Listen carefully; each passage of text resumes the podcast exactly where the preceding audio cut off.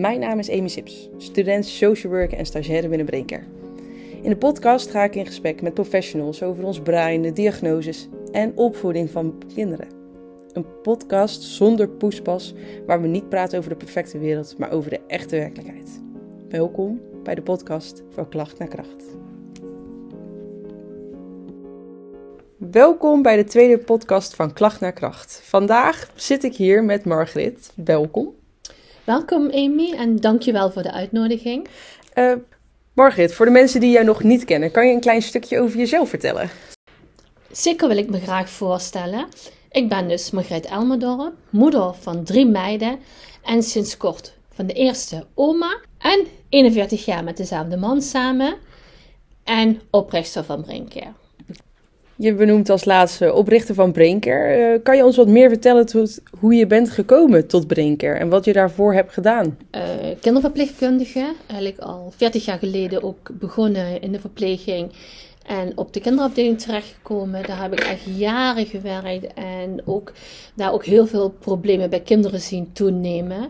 Vooral op het gedrag, waarbij uh, ouders heel vaak radeloos waren en het eigenlijk niet meer zo goed wisten wat ze nou moesten doen. En de kinderverpleegarts eigenlijk aangaf van god, ja, we moeten toch een medicatie erin.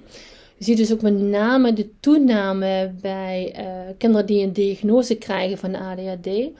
En eigenlijk zeggen ze van nou, als je ADHD hebt, heb je ook wel medicatie nodig. Dat was voor mij eigenlijk al één triggerpunt. Toen ben ik begonnen in de opleiding voor orthomoleculair therapeut. En orthomoleculair therapeut wil eigenlijk zeggen dat je gaat kijken van god, je voeding is je medicijn. En wat kan je door je voeding te veranderen, wat kan je dan eigenlijk verbeteren aan je gezondheid of aan je gedrag? Nou, daar ben ik mee begonnen met die opleiding. Het was in 2006. En eigenlijk doordat ik met die opleiding bezig was, merkte ik ook dat sommige dingen in het ziekenhuis niet meer rijmden met hetgene waar ik achter kon staan. En dat heeft me eigenlijk doen, doen besluiten om een praktijk te openen waarbij ik ook kinderen ging behandelen of begeleiden met alleen de voeding. Alleen helaas, alleen je voeding veranderen, dat is natuurlijk ook niet een slagingspercentage. ik ben eigenlijk het liefst altijd meer dan 100% dat ik wil scoren. En uh, dus het was voor mij al een triggerpunt van god, wat ga ik nou, hè, wat ga ik nog verder doen? Toen werd eigenlijk helaas mijn man uh, flink depressief. Waarbij hij eigenlijk niet meer goed wist van god, wat wil ik eigenlijk nog? De psychiatrie of de psychiater wilden hem eigenlijk opnemen. Maar waar wij precies hadden van ja goed, als je opgenomen wordt binnen de psychiatrie, hoe ga je er eigenlijk nog uitkomen daarin? En uh, in samenhang met mijn drie meiden hebben we dus eigenlijk toen de beslissing gekomen om hem uh, naar Nepal te laten gaan. Toen heeft hij daar zes weken bij de monniken gezeten en eigenlijk heel veel gemediteerd. En ook van hemzelf eigenlijk teruggekomen van, god, ik wil echt niet meer voor een werkgever werken. En toen kwam hij dus in 2011, want dan speelde eigenlijk een beetje in die periode, kwam hij terug. Waarvan wij hadden van, nou, dan gaan we kijken wat we samen kunnen gaan doen. Hè? Want ja, goed, ik had natuurlijk mijn opleiding tot orthomoleculair. Ik wilde niet meer in de verpleging uh, als kinderverpleegkundige werken. Of schoon ik het wel een heel mooi beroep vind. Maar uh, die tegenstrijdigheden kon ik ook niet zo goed uh, er tegenaan. Dus zijn we samen begonnen om de opleiding tot uh, breintherapie te gaan doen. En met de oog erop om ook vanuit de praktijk ja, te kunnen leven, zeg maar. Dus eigenlijk onze onderhoud te kunnen voorzien. En we hebben de stap genomen nadat we de opleiding samen hebben gedaan in Berg op Zoom met Brinkkeer te zijn gaan starten. Dat is in 2012 geweest. Alleen helaas, toen wij die stap hebben gemaakt richting uh, Berg op Zoom, viel mijn man eigenlijk weer terug in een flinke depressie. En we wisten niet goed voor God, wat is er nu aan de hand? Maar ja, goed, hij ging natuurlijk eigenlijk altijd op mijn veiligheid mee. En dat kon natuurlijk nou niet, want we hadden natuurlijk de stap gemaakt en we moesten natuurlijk zorgen dat Brinker ging, uh, ging lopen. En toen kwam mijn man er eigenlijk zelf achter dat hij dus uh, ja, het syndroom van Asperger heeft. Nou, ik, die eigenlijk heel anders kijkt naar diagnoses, ben er eigenlijk ook wel uh, van geschrokken. Dat net mijn man de, een, een, diagnose van syndroom van Asperger ging krijgen. Je geeft eigenlijk net aan dat je heel anders kijkt naar diagnoses. Eh, kan je een voorbeeld geven of ons uitleggen hoe je dan anders kijkt naar diagnoses? Nou, voor mij is een diagnose meer een hulpmiddel. Hè? Dat is doordat je een aantal symptomen bij elkaar hebt, wordt al heel vaak gezegd van nou, dit lijkt op ADHD of het lijkt inderdaad op syndroom van Asperger. En dat kan eigenlijk een hele goede houvast zijn. Maar de prognose heb je zelf in hand. En als ik even terugkom op, op het stukje zoals het bij ons toen gebeurde, ik ben er eigenlijk heel erg van geschrokken. En wat ging ik doen? Ik ging heel veel inlezen. Ik ging naar um, uh, bijeenkomsten, want ik wilde natuurlijk zoveel meer weten van het stukje uh, autisme, van wat houdt het in en hoe ga je er eigenlijk mee om. En bij een van de uh, bijeenkomsten ben ik zelfs opgestapt en ook gezegd: jongens, jullie doen net of mijn man een robot is. Het is. Ik bedoel, ik ben al, toen was ik al 35 jaar samen met hem. Dus wat is een robot? Ik bedoel echt niet. Mijn man die weet precies hoe ik me voel. Alleen hij weet niet wat het met mij doet als ik me zo voel. En daar zit heel veel het verschil in. En zoals we momenteel heel vlug kijken naar de diagnoses, wordt er al heel vlug een bepaald beeld bijgegeven.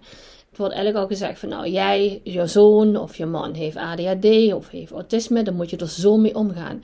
Toch uh, is de praktijk bij Braincare komen dan toch wel veel kinderen of volwassenen die bijvoorbeeld een uh, diagnose autisme hebben gekregen of ADHD. Uh, hoe gaan jullie er dan mee om en hoe zorgen jullie ervoor dat jullie niet alleen maar een diagnose stellen aan bijvoorbeeld kenmerken of symptomen van iemand? Ja, bij uh, we kijken eigenlijk eerst naar de oorzaak van, dit, van, van de klacht, zeg maar. Dus we maken altijd een meting, een QEG. Dat wil zeggen een, een kwantitatief elektrogram. Om precies te kunnen kijken van, god, wat zegt eigenlijk het brein hierover? En daar gaan, aan de hand daarvan gaan we ook kijken van, god, welke patronen, welke klachten zijn er waar we aan kunnen gaan werken. Je zegt een QEEG. En uh, hoe ziet dat eruit om even voor de luisteraars een beeldvorming te geven? Ja, nou, je gaat dus met een muts, je krijgt eigenlijk een muts op. En daar zitten van die hele kleine gaatjes in. En die gaatjes worden gevuld met gel. En dus we kunnen dus een EEG maken. Dus net zoals je een, een ECG van je hart maakt, zo maak je een EEG van je brein. En die worden natuurlijk ook in het ziekenhuis gemaakt. Met name gekeken op epilepsie en slaapproblemen. Wij in de praktijk maken vanuit onze apparatuur een kwantitatief EEG daarvan. Dus dat wil zeggen dat er een wiskundige berekening op komt, waardoor we dus eigenlijk meer markers zien wat er aan de hand is. En een marker moet je zien als een wetenschappelijke markering. Zo heb je eigenlijk de gezonde breinen, maar ja goed, wat is gezond? Die hebben een bepaalde uh, markers en zo zijn er ook voor slaapproblemen, migraine, um, concentratieproblemen, focusproblemen zie je dus eigenlijk ook markers daarin. Het is zo dat toen ik begon met Braincare, wij vanuit de opleiding heel veel markers van ADHD hadden gezien. Dus ik dacht ook van wauw, ik ga echt zeker brein eh, eruit halen. Waar dus ADHD naar voren zou komen. Nou, ik heb misschien in die negen jaar dat ik met Braincare bezig ben, heb ik misschien van de 600 metingen die ik gemaakt heb, misschien twee echte ADHD-breinen gezien. Dus aan de hand van je brein uh, kan het dus zo zijn dat je bijvoorbeeld niet ziet dat je ADHD hebt, maar dat je toch de diagnose ooit hebt gekregen dat je ADHD hebt. Ja, en dat komt met name omdat uh, binnen de DSM-5, dat is eigenlijk de handboek voor de psychiatrie, staan eigenlijk heel veel symptomen beschreven. Dus als jij onrustig bent, je wiebelt, je kan je niet concentreren en nog een aantal punten, vooral ook impulsiviteit, dan wordt er heel vaak al gezegd van nou je hebt zoveel symptomen, dus je hebt die diagnose. Alleen vanuit het brein zien wij de oorzaak. We mogen geen diagnose stellen, omdat het is wel allemaal wetenschappelijk onderbouwd en onderlegd. Maar je kan je neuroplasticiteit, want zo werkt eigenlijk het brein, neuroplasticiteit, kan ook door een ander probleem veroorzaakt zijn dat die afwijkt. Hoe bedoel ik dat? Kinderen die bijvoorbeeld op jonge leeftijd van de commode zijn gevallen of een kopstoot hebben gekregen, kunnen eigenlijk ADHD laten zien, maar het brein geeft dan problemen, laat dan zien waar de kopstoot is geweest. Uh, Margriet, je noemt net op dat uh, je veel breinen hebt gezien en dat je dan dus eigenlijk in het brein niet terugziet dat iemand ADHD heeft. Hoe kan het dan toch zijn dat kinderen die symptomen vertonen? Ja, nou, ik had daar zelf ook wel heel veel mo moeite mee. Weet je, want je eigenlijk denken van, wauw, diagnose ADHD, nou dat ga ik heel even gelijk zien in het brein.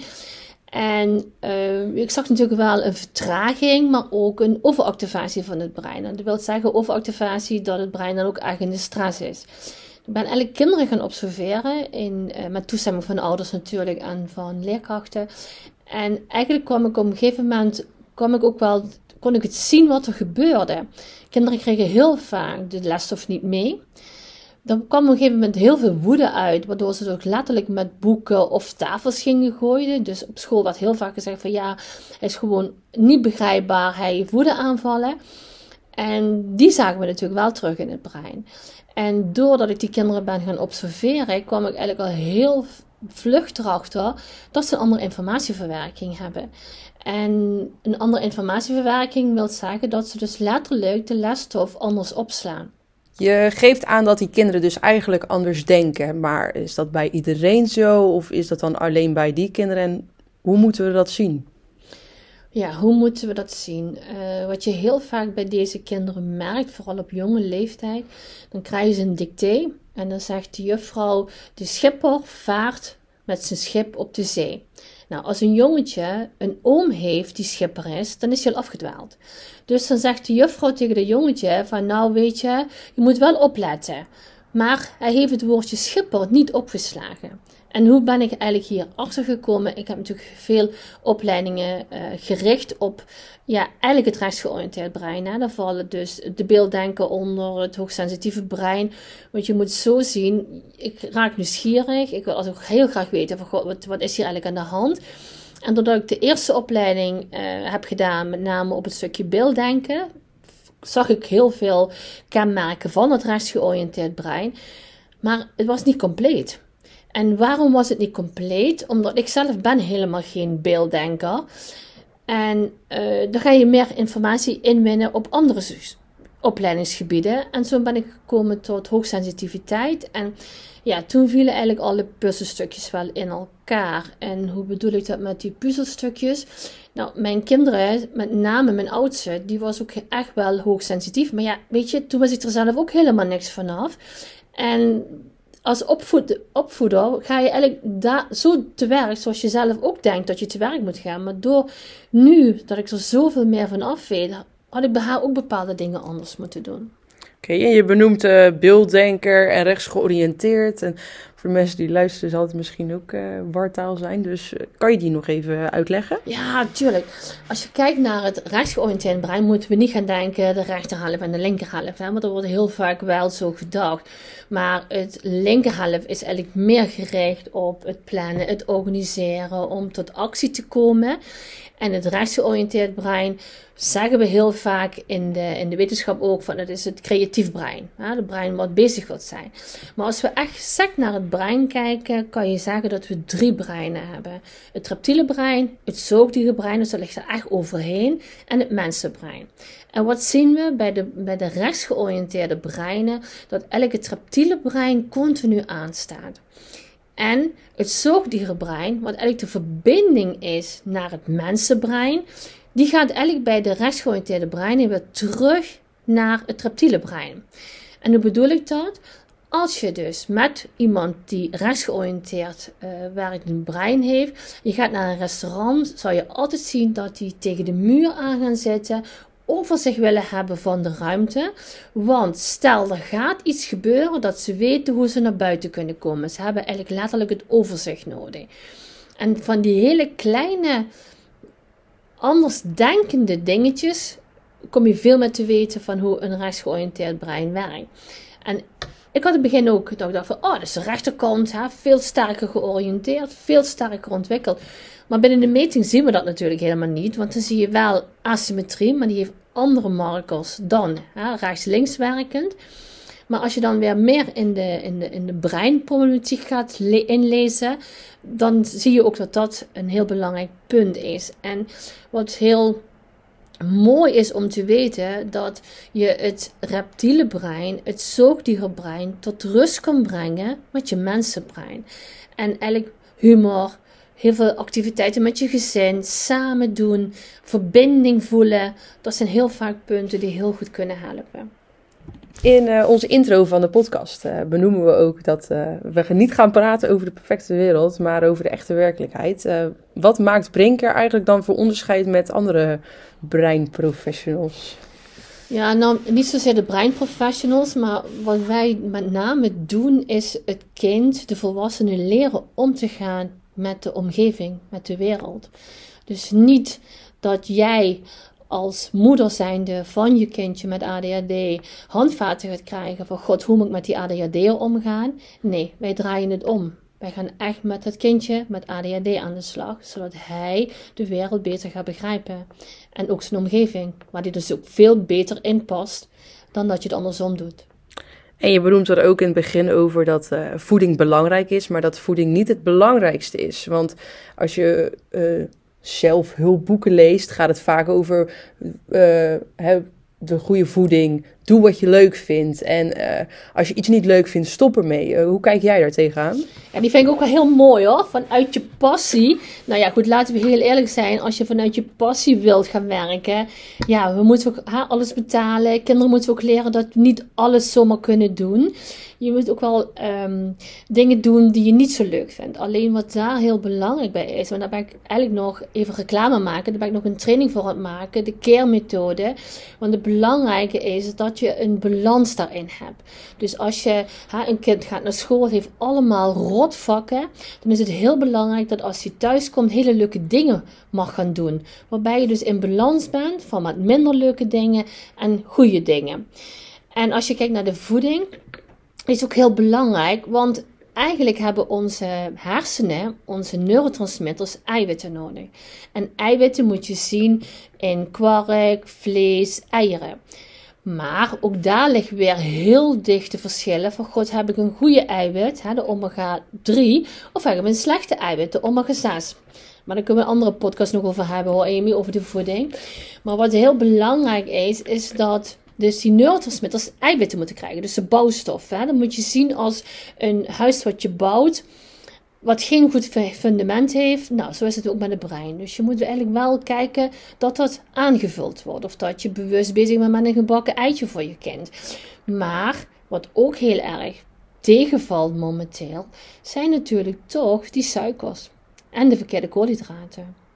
Dat is inderdaad wel een goede om uh, hier nog een podcast over te maken. Wat voeding uh, op voor effect op je brein heeft. En uh, als ik zo mag vragen, want je hebt heel veel verschillende dingen benoemd. Maar waarom komen mensen nou eigenlijk naar Braincare toe? Hoe begint het?